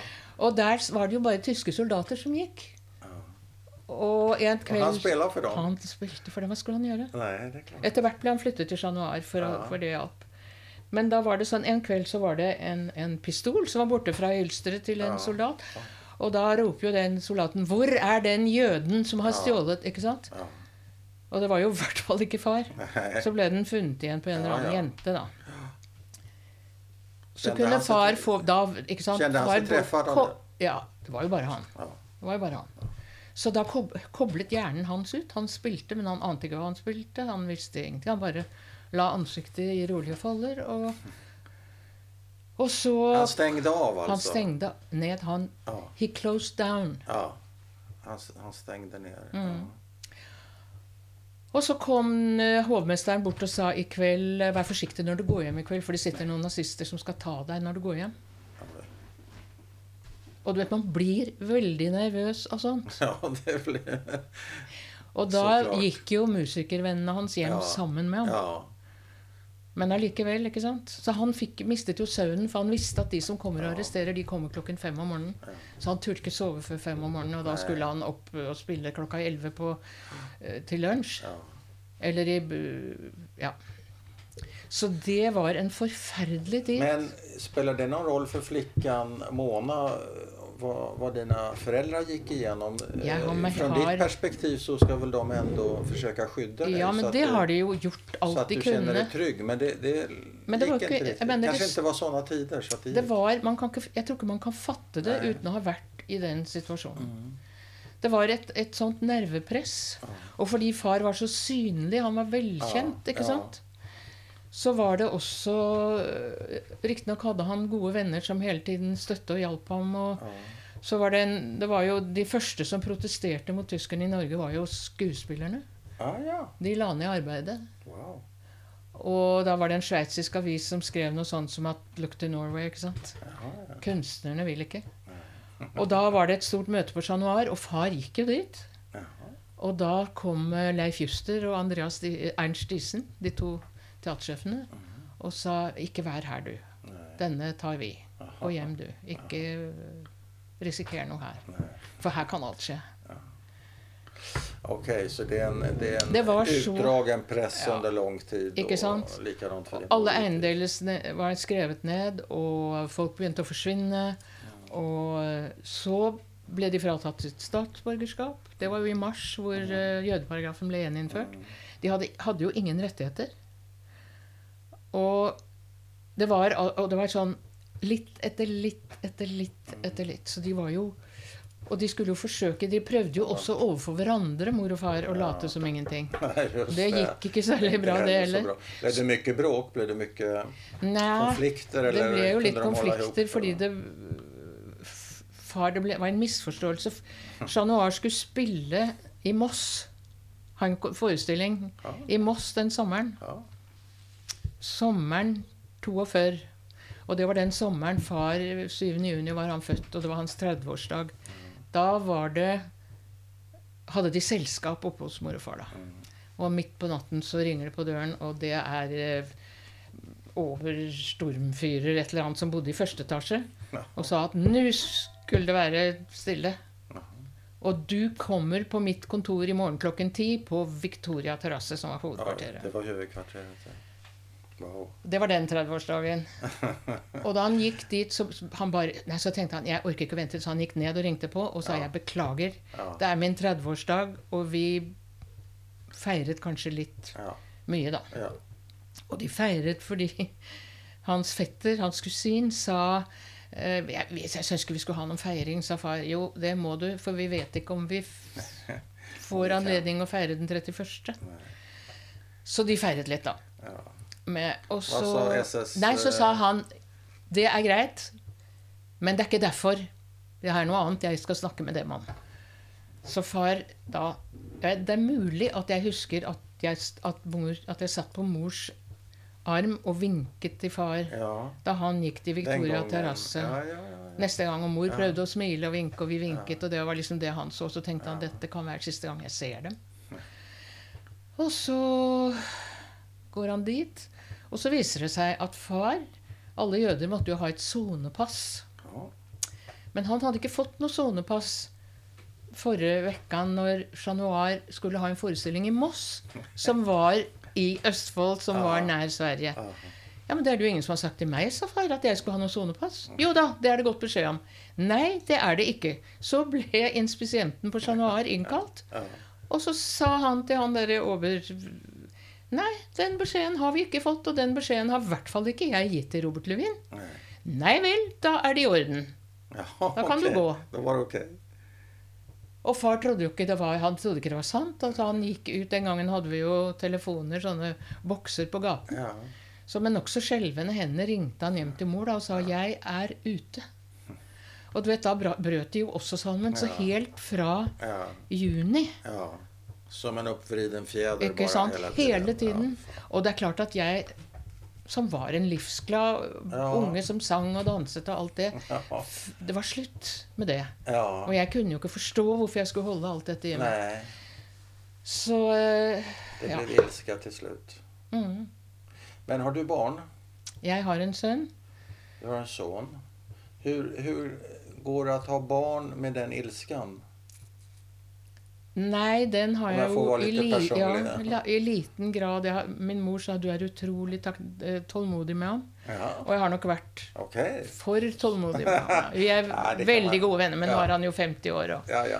han Men har så det eh, har, det har du kunnet uh, Ja, separera då på noe sätt? Men jeg var veldig mye sint og arg da han var liten. Jaha, på hvem? På hva? Jeg vet ikke, jeg var redd for at noen skulle komme og ta ham. Så dette har jo hele tiden vært Og på Men vent et tak, hvilket da vilket år prater vi om? ja, Han ble født i 1968. 1968. Så er du redd for at noen skal komme och Kom ta og ham. Så på klinikken, Hvem? Hvem skulle- så tyskerne helt, Det er jo helt Det er jo helt tøys, men altså det, det er sånt som skjer med en. Det var så? Så jeg kunne jo ikke eh, skille det da, for jeg var også da helt ute på tur, som vi sier. I hodet. Og hva hendte på klinikken? Nei, for da, da jeg hadde født Så jeg fikk enerom. Og jeg hadde en enkel fødsel. Men da de gikk ut, så fikk jeg barnet med inn, og da tok jeg ham opp i sengen. Og hadde ham mellom bena i sengen. Og når det, når det kom noen inn, så beskyttet jeg ham sånn. Og til slutt så var det en pleierske som sa du behøver ikke være så redd, det er ditt barn. Derfor jeg var så redd. Jeg trodde jeg skulle bli forkjølet, og da ville jeg smitte ham, og da kom de til å ta ham. Ja. Nei, dette er ditt barn. Ingen Ja. skal ta det barnet. Og så kom far og besøkte meg. Ja, nei, den tror jeg ikke jeg skal ta. Eh, Jo, gjør det. ja, men Gjør det, det jeg var, Han var så elsket, denne lille. Ja. Så kom far og besøkte meg, og jeg satt i sengen og gråt med barnet mellom bena. Hvorfor gråter du?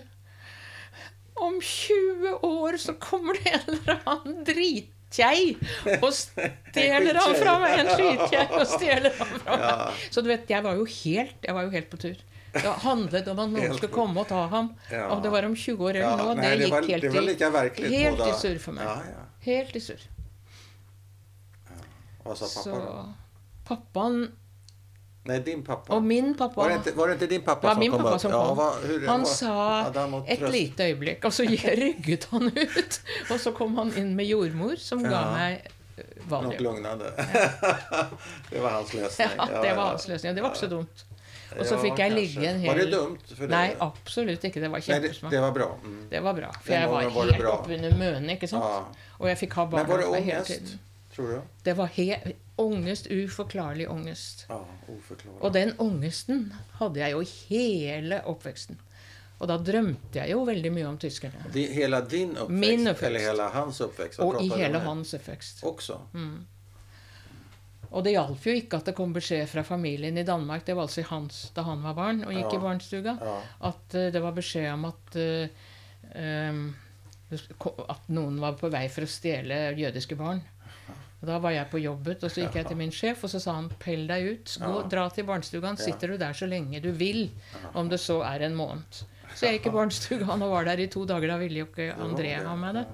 Men det var også en sånn forferdelig eh, skrekk som satte i gang alt det gamle i meg. Ja. Så det, det ble bare en dråpe til i alt det som da lå gjemt, da, eller glemt. Ingenting er gjemt, og ingenting er glemt. Har du gått i terapi? Nei, jeg har, tror jeg, i ettertid så har jeg forstått at jeg har gjort en eller annen form for skj- skjelvterapi. For jeg kom ut og gjennom på et eller annet hur? tidspunkt. Hur? Jeg snakket jo mye med meg selv.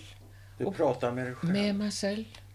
Och du fikk svar? Og ja, etter hvert. Og pisket meg selv, ikke sant. Og jeg hadde gjort alt galt, og alt var min skyld, og sånn. Og så til slutt så var det en stemme Da var jeg blitt 50 år, tror jeg. Så kom det en stemme som sa Altså en stemme i deg? en røst? Stemme, en røst Mhm. som høyt og tydelig sa Nå har du pisket deg selv lenge nok. Alt er ikke din skyld. Nei. Andre har skyld òg. Ja. Tyskerne har skyld, og.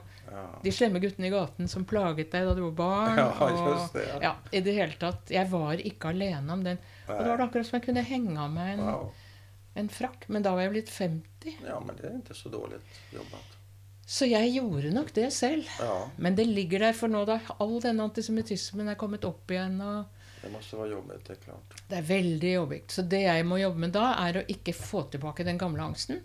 Men heller å gå rett i trynet på de som driver med antisemittisme. Og det har jeg gjort. Det har vært en veldig sterk Så der har du anvending av din Där ilska, har jag kan man. Ja. Så jeg har Du er uredd. ja. Helt, helt uredd. Jeg har vært en av de sterke stemmene i Norge eh, mot den nye antisemittismen. Men har din son, om jeg får fråga, har, har det gått i arv, den her angsten? Ikke angsten, tror jeg. Men følelsen av at det er blitt gått urett mot jøder. Min mann var jo ikke jøde, så min sønn er jo ikke hel jøde, og det går jo etter mammaen. Og han sier i, hos jødene går det etter mammaen. 'Jeg er jøde', og det sier han rett ut til den som. Og det er en lojalitet som jeg oppskatter veldig, da. Så ble han, han er komiker, og han ble så god venn med et par, eh, både en judisk og to muslimske, en tyrker og en iraker eller noe, Mm. i Sverige. Ja. Som har gjort store karrierer som komikere. De reiste på turné sammen, Ja. og det har vært veldig nyttig for ham. For han fikk jo da se også hvordan fordommer rammer på den andre Det siden. kan du lugn för. Så det har vært veldig nyttig. Men jeg tenker når din røst sier så her, alt er ikke ditt fel, for det var vel hva røsten sa när du Mm. var 50 år. Betyder det at du også kunde forlate den der lilla flikken som du har fått höra var så besvärlig igen? Du var ju så besvärlig som man var tvungen att droga dig till döds nästan. Ja, ikke sant? Då är man besvärlig. Ja, det var det. Da kunne jeg faktisk Kunde du förlåta dig Da själv kunne då? jeg forlåte meg selv. Og da, da jeg fylte 50, så hadde jeg et svært selskap. Den gangen gjorde man sånn at folk betalte 400 kroner eller noe, så organiserte en komité. Ja. Og da fant jeg ut Da var jeg singel, og så tenkte jeg hvem skal jeg ha til bords? Ja. Iver Skogstad. Ja.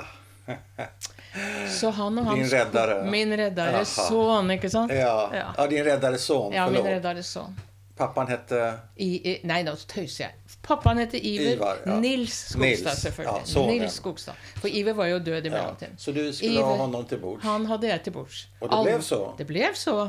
Og alle lurte veldig på hvem i all verden er dette? Skal Mona gifte seg igjen? Nei, det skulle hun ikke. Så jeg. Da alle hadde holdt sine taler, så holdt jeg tale til slutt og takket. Ja. Og så sa jeg at ja, dere lurer kanskje alle på hvem denne pene mannen er. Det skal jeg si dere, at sist jeg lå i hans seng Og da trodde jo alle jeg skulle si var i natt, og det var vår bryllupsnatt. Og så sa jeg da var jeg tre år gammel, og det var hans pappa som reddet mamma og meg. Ja.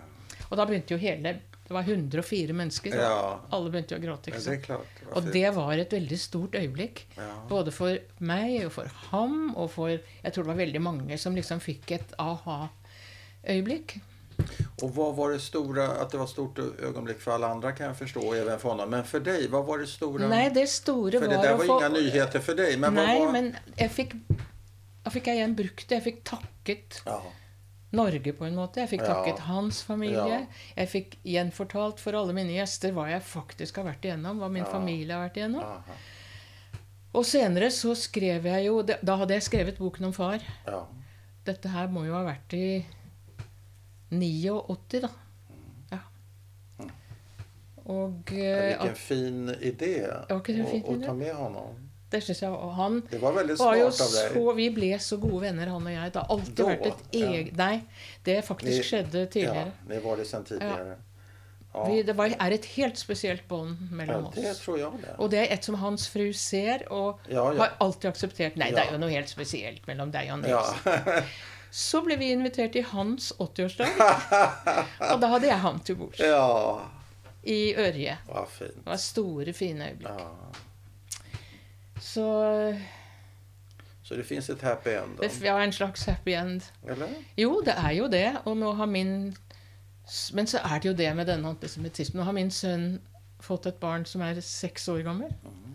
Og som jeg har tilegnet en morsbok. Og som jeg delvis skrev da for å Till honom? Eller? Til ham eh, og til hans datter Hedda. Og du skrev den til Hvem skrev du boken? Jeg skrev for, den jo Foruten for, deg selv. Til Till din son eller til ditt barnbarn? Jeg skrev den for Norge. For Norge? Og den har hatt ganske kraftig nedslagskraft. Hva ville du formidle med Jeg ville formidle at dette At jødisk historie er norsk historie. Mm. Jødisk historie i Norge er norsk historie. Og vi er nordmenn. Vi er ikke alt mulig annet. Vi er f.eks. ikke israelere. Eh, vi er ikke øh, Vi går ikke rundt med hengekrøller. Det har aldri vært sånne jøder med hengekrøller i Norge. Men, Men sånn blir vi alltid Ja, man blandar ihop det. Ja. Men det, det gjøres jo fra så mange sider. Mm. Men eh, hva er din identitet skulle du si? Er du Jeg er kulturell jøde. ja, Jeg er norsk ja. og kulturell jøde. Men hva er, hva er først? Det Norsk. Norske, ja. Norsk først. Norsk jude. jøde. Og med kulturell jude mener du at du ikke er religiøs? Ja. Vad betyder det? Ja. Men jeg er veldig glad i Men kan man inte bara säga jude då? Det kan man. Eller för dig? Det- Jeg kan si det, jeg er jude, men da Ja. tror folk at jeg ikke er norsk. Da mener jeg, hvor, jeg hvor, eh, altså Folk skjønner jo ikke i Norge at man kan være norsk og jøde samtidig. Er det så? Ja, Det forstår de ikke. Og dette vet jeg veldig godt, for jeg har holdt så mange foredrag. Ja. Okay.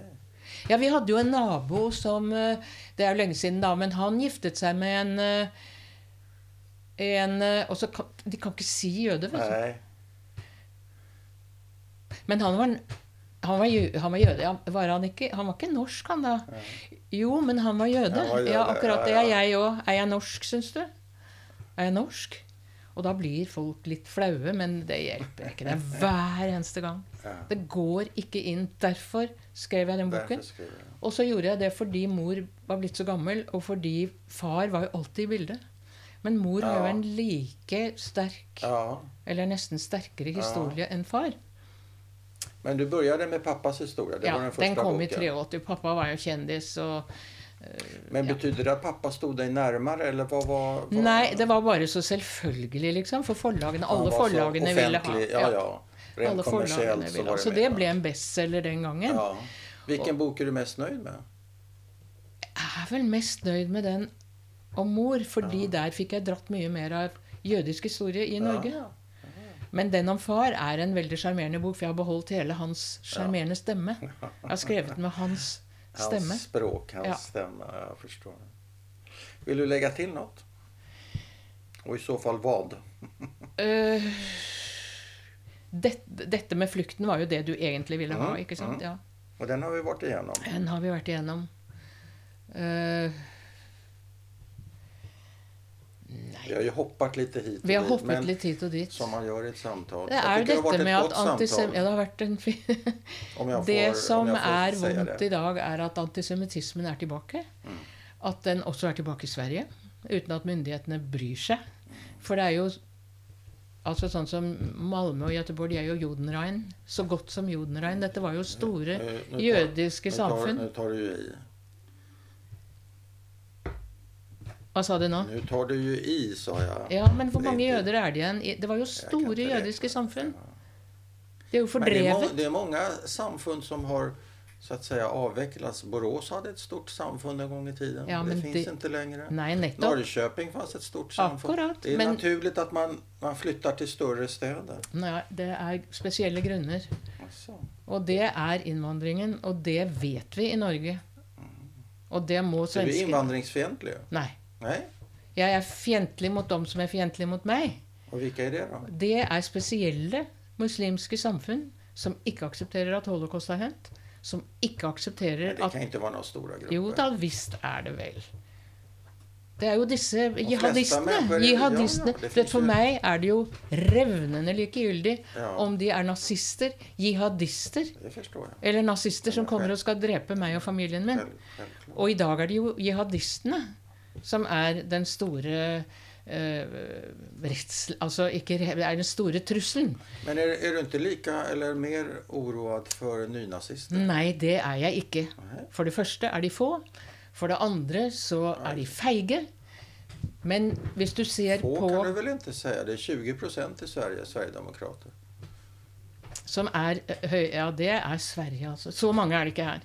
Men det blir flere hver eneste dag. Men hvis du ser på Det fins mye man kan oroa seg for. Hvis, Men du, du, du, du zoomer inn på Hvis du eh, radikale muslimer kan Ja, man Ja, akkurat. Og hvis du ser på terrorofrene i Europa de siste årene, Ja, så har de rettet seg mot jødiske ja, museer, mot synagoger, ja, mot um, restaurant, eh, det. Det. Det är. Ikke sant? Det er jødene som er målskiven. Ja, for dem er det, det- det är riktigt. Ja, og, det, og vi har hatt skudd, elleve skudd, som en muslim skjøt mot synagogen her. Ja. Men du har jo Hva heter han, Utøya, Utöja va? Eh, Ja da, det er jo Vita nazisten. Det har jo ingenting med, med muslimer Det har ikke noe med- det, har- det, det, finns, det finns ju problem, det er klart. det er klart det fins Ja, problem. Men, men du, du Men- framhåller från det vi begynte å prate til nå, så er det muslimene som er det store hotet, Det er i din analys. Det er hotet. For de er veldig mange flere. De er tre milliarder på verdensbasis. Ja. Men er de ikke snille og bussige, de fleste av, av dem? De jeg kjenner, de er veldig snille, og de er jo veldig fortvilet. och Ja, men det fins jo Finns kriminelle i- kriminella kriminelle Ja, finnes. Altså, jeg vet ikke om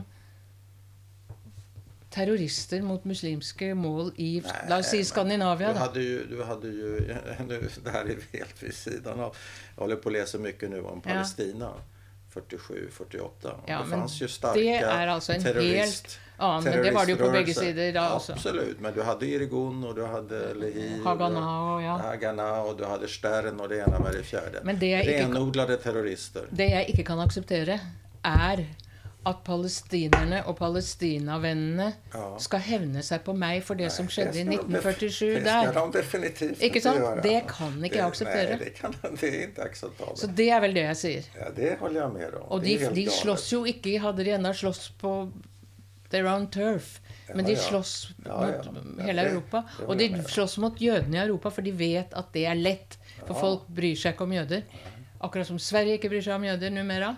Så uh, Nei. Og da det var Jeg holdt på å Var har skrive du, hva har du din eh, Sverigebild ifrån? hva har du for noen kjeller? norske medier, svenske kan man, medier. kan man ikke lita. Fake news. Fake news. nei, det vet jeg inte. Nei, men jeg holdt på å skrive et øppet brev til, til Göteborgstidningen. Jaha, Göteborgsposten. Posten, ja. Ja, ja. For 20 år siden eller mer. Jaha. Og si hva er det dere driver med? Dere åpnet dørene for meg og min familie. Ja. Vi lever i dag, Ja. og vi er gode norske borgere. Vi har startet en ny familie, for det var ingen igjen av oss. Men de som overlevde i Sverige, de har fått starte på nytt. Og dere gjorde det mulig for oss. Hvordan Ja. kan dere sitte og se på at jødene blir fordrevet fra store svenske byer? Hvordan kan Skrev- skrev det, du brevet Nei, og jeg angrer så forferdelig! Altså, Det er min skyld. det er 20 år siden. Ja. Redan da prater du om Joden Rein. Ja. Altså. Det Det angrer jeg sånn på, men da var jeg fremdeles litt redd for å stikke hodet frem. Må du holde opp med disse jødegreiene dine? Det, det, men det er Du vet når du får post med bæsj i, altså med bæsj, ja, og du får terrortelefon, og du får altså Etter hvert så. Du, du er utsatt. Men etter hvert så har jeg greid helt å Jeg er ikke redd for min egen del i det hele hele Du er sånn kjempe. Ja, for det, dette er jo min kamp, da. Dette er min, dette er min kamp, ikke sant? Mot dette. Ja. Så jeg har ikke noen redsel for det, og det har jeg Nei, ikke hatt de siste 25 årene. Rädd ska man inte vara. Men man ska inte överdriva heller. Nej. Och det är lite, det är, alltså, apropå hur vi pratar nu till exempel om Berlin. Min farfar bodde i Berlin och förstod inte vad som hände. Och först vid kristallnatten så trillade polletten ner. Och du har ju berättat Ja, hur man i Norge i det längsta sa att ja men eh, det här går över. Så. går Och det, vi kan ju vara i en ny sån situation. Nå det vet kan- man inte. Det vet man ikke. Jag tror inte det. Men jag, jag är tillräckligt, jag är tillräckligt Ja. Medveten att jag hade en farfar som satt i Berlin 1936 och 37 och ända fram till 38. Och som, Og som dro, då drog han. ja, ja, efter kristallnatten kunde Efter de, hade de, ja, då hade Men du de vet, sån tur de- så att min farmor Ja. hade en syster i Stockholm och tack vare det kom de ut. Ja. Men det var, det var Men så har du alle dem som ikke kunne komme seg av gårde, og etter hvert slapp jo ikke tyskerne dem ut. Og ingen ville ta dem imot. Lyon-konferansen, hvor ikke et land i Europa ville ta imot Nei. de jødene som var Og ikke USA heller. Ikke USA heller. Så det er bra med Så det. det var så vidt at Einstein kom til Amerika. Ja. Men uh, vi klarer klara va? Mm. Det her var, Ja, nå, nå går vi i ring, men for meg er dette en, en viktig Ja, ting som jeg syns ikke du skal jeg syns ikke du skal avvise disse tankene mine, altså. Men jeg tror Inte helt. ikke helt Jeg tror heller ikke at det kommer noe nytt Auschwitz. Nei, nei. Det Det kan komme annet annat skit. Det kommer alt mulig annet skitt. Og det er klart at vi, min søster og jeg, sier er det nå vi må Skal vi flykte nå? Hvor skal vi Ja, flykte? var ska ni fly da? Nei, det, vi kan ikke flykte til Sverige. Nei, Og til Israel tror jeg ikke heller noen Ikke eh, tale om. Nej, Og hva skal to gamle damer på Ja. 80 og 75 gjøre i USA? Da får Nej, ni får till bara- Kanada kanskje. Ja. Muligens. Mul, muligens. Men är, har, du, har du vesken pakket mentalt? Nei, jeg har ikke det, men jeg, Mentalt? mentalt. Har du det? Mentalt. Låter jobbigt. Ja, det er veldig jobbigt. Men det er vel fordi man har dette her i Ja. Det blir jo stress en stress hela Når man har tiden. vært igjen alltid, hele livet. Ja, hele livet er stress. Og da blir man i forsvarsposisjon. Jeg forstår det. Jeg Og der kommer denne argheten i Hade vi sittet nærmere, så hadde jeg fått en knytneve. Nei, det hadde du ikke, for jeg slår ikke. Altså, Men, ikke direkte. ikke direkte. Jo, Men men, du slo jo- han som ville gi deg en uh, tablett eller hva? Ja, det var mor, da. Det var mor som slo ham. Ja, det var mor som slo. Ja, jeg kunne ikke slå. Jeg var tre år. Jeg kunne ikke slå ham. Nei, det var mor som slo Wow. ut av hånden hans. den wow. der. Jag missuppfattade den situasjonen. Og da sa han Iver Skogstad her skal det ikke drepes noen små barn. Og hvis dere ikke kan oppføre dere ordentlig, så får dere snu og klare dere selv. Ja, Den må du ha med. For å klippe og lime litt. jag kan klippa. Ja. Men du, ehm, bra. Jag tackar så mycket Ja. för samtalet. Ja. Det var väldigt fint att få lyssna på dig. Men siden du spurte om dette her med hva Så måtte jeg jo svare deg. Du, Men jeg tror Ordet är fritt. Ja, men jeg tror ikke at alle muslimer er terrorister. Og jeg tror ikke Ja, ikke sant? Och inte heller alla judar va? Nei. Nej. I hvert fall ikke her i Norden. Så det er, handler ikke om det. Jeg forstår det. Men, men, Nei, men det visse muslimske miljøer, ja, ja, fundamentalistene i Sverige, i Norge, i Danmark Det De mistro. er farlige. For, det og vi er så få. Men om du hører på en del ortodokse jøder, även i Norden, så har de veldig konstige ideer om samfunnet. Ja, de har kanskje och, kjenner. og muslimer. Det skulle du være glad for, for det blir man Ja. ikke spesielt opp. Ja, nei, På Facebook så har man en del sånne der. Og vi har ikke noen sånne i Norge. Bra. Jeg tror rett og slett vi ikke har noen sånne i Norge. det er kanskje bedre. Så for vi er jo en veldig rolig, fredelig, Bra. konservativ, konservativ men liberal Ja, jag menighet. förstår. Og, og vi er 1500 jøder i Norge. Ja, det er ikke mye. Det er veldig lite. Så derfor er det liksom eh, Ja, det er en familie. Ja. Det er en stamme. Det er en slags stamme, ja. Ja, Som jeg ikke egentlig hører til engang. Ikke jeg heller. inte jag. jag. For jeg er sekulær, ikke sant? Ja. ja, men hør til stammen.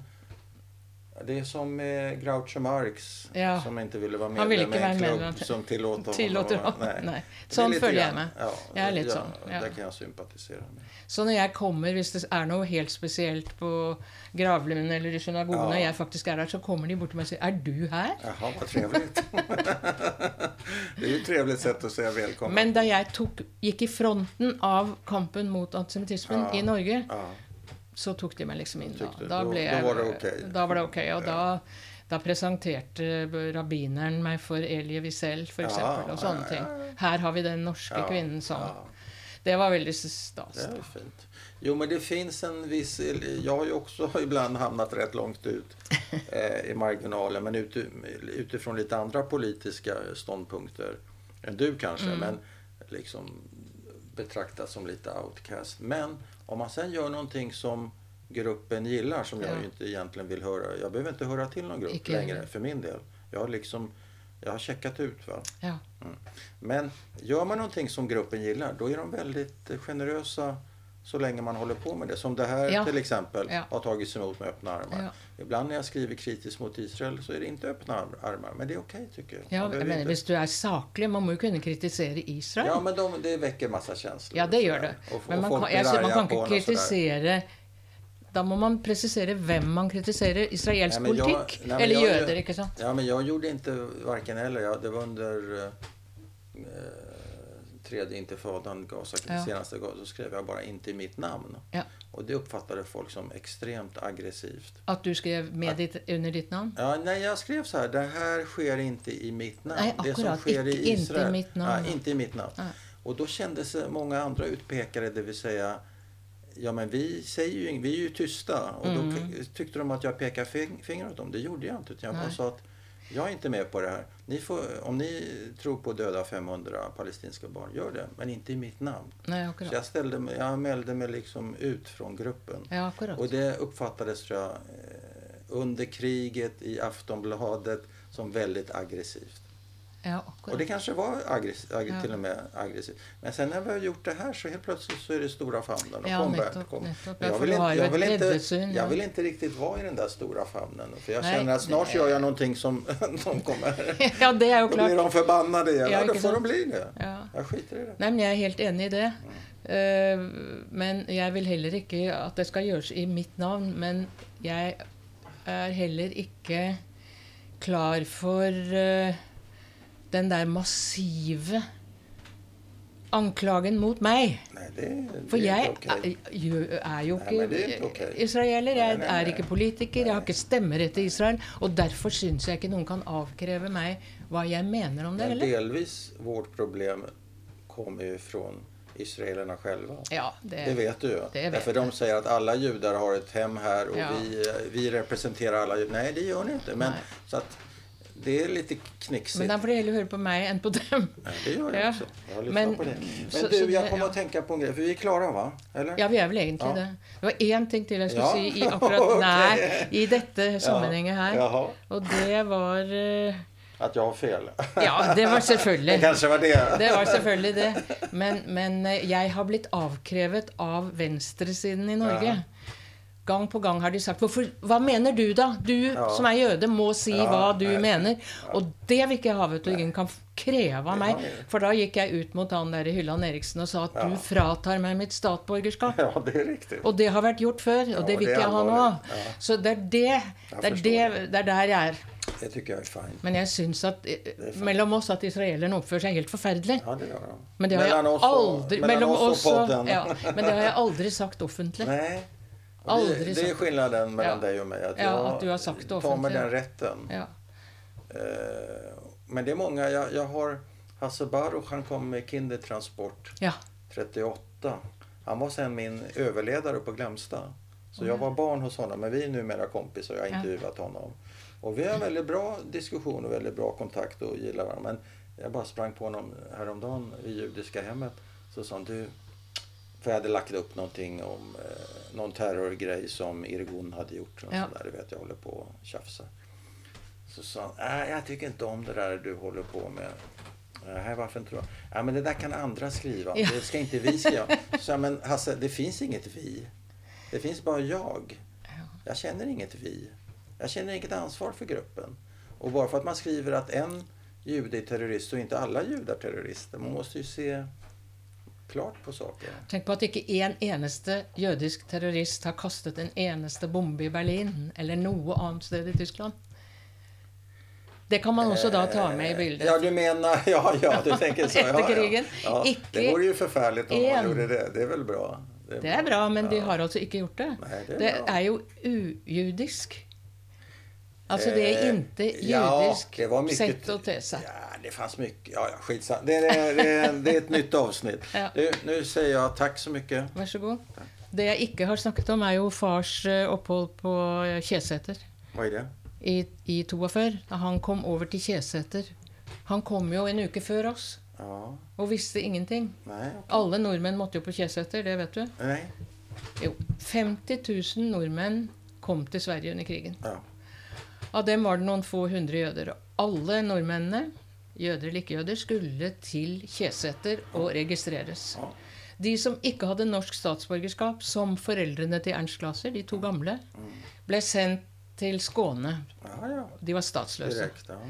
Mens alle de norske, som min familie, de ble da fordelt rundt omkring i, i Sverige. Og far kom til Stockholm fordi han var musiker, og de trengte ham. var kjent og sånn. Men han satt en uke på Kjeseter, i en brakke der, hvor han ikke øh, visste om vi levde eller ikke. Nei.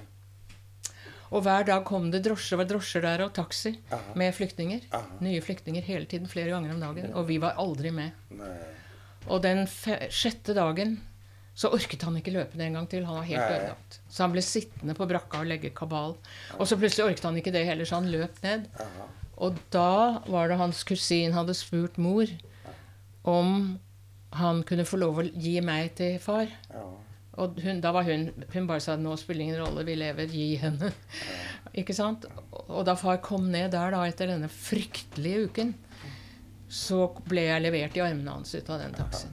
Og du kan tenke deg Han hadde ikke tatt i et piano, han ville ikke spille for noen. Nei. Men den neste morgenen med flaggheisingen så Ja. brast det jo for alle de norske. Og far spilte til omtrent i fingrene hans. Blødde alt det norske han kunne. Han hadde ingen noter. Han spilte Nei. Grieg og nasjonalsanger og Ja. alt som Ja, var. Spilte og spilte og spilte. Ja. Og jeg som ikke hadde sett ham på en god måned Fem minutter etter at vi møttes der, da, så lekte vi sånn som vi hadde gjort. gjort. Så den kontakten fanns. Da var liksom alt det borte, og vi lekte butikk på en stol. ikke sant? Satt du under eh, flygeln? Var det en flygel han spelade på? Eller? Han spilte, ja, hjemme hadde han flygel. Ja, ikke men jag tänkte der nu på när han spelade eh, Nei, det var et var piano. piano, Og du- ikke kan jeg huske at jeg satt under et flygel, fordi det flygelet var jo transportert. Han hadde venner i Drammen som kom og hentet flygelet hans. Og gjemte det under hele krigen. Og så fikk han deres piano. Mm. Det er sånne mennesker, ikke sant? Ja, det er fint. Så i grunnen, du kan si det var i mors og i deres navn. Eh, og de kom med smør og lite smør, og så det er hester, ikke sant? så det er, var mange gode nordmenn Ja. og mange norske som hjalp. Ja, det Det må man ikke glemme. Og så var det alle dem som gikk inn i leilighetene og tok ting med en gang jødene var borte. ikke Ja, så var det også. Masse. Noen måtte kjøpe igjen sine egne ting på auksjoner etter krigen. Var det så? Ja. Man hittet igjen, altså? Hittet igjen og ble solgt på auksjoner. Hemskt. Men ingenting av verde, for det var sendt til Tyskland. Ja, just det. Tyskernes politikk under krigen var at det skal ikke være spor igjen av jøder Nei, i Norge. Alt skulle være borte. Sånn var det. Det var fint tenkt. Det var fint tenkt. Ja, det. All right. Ja. Takk. Vi setter punkt.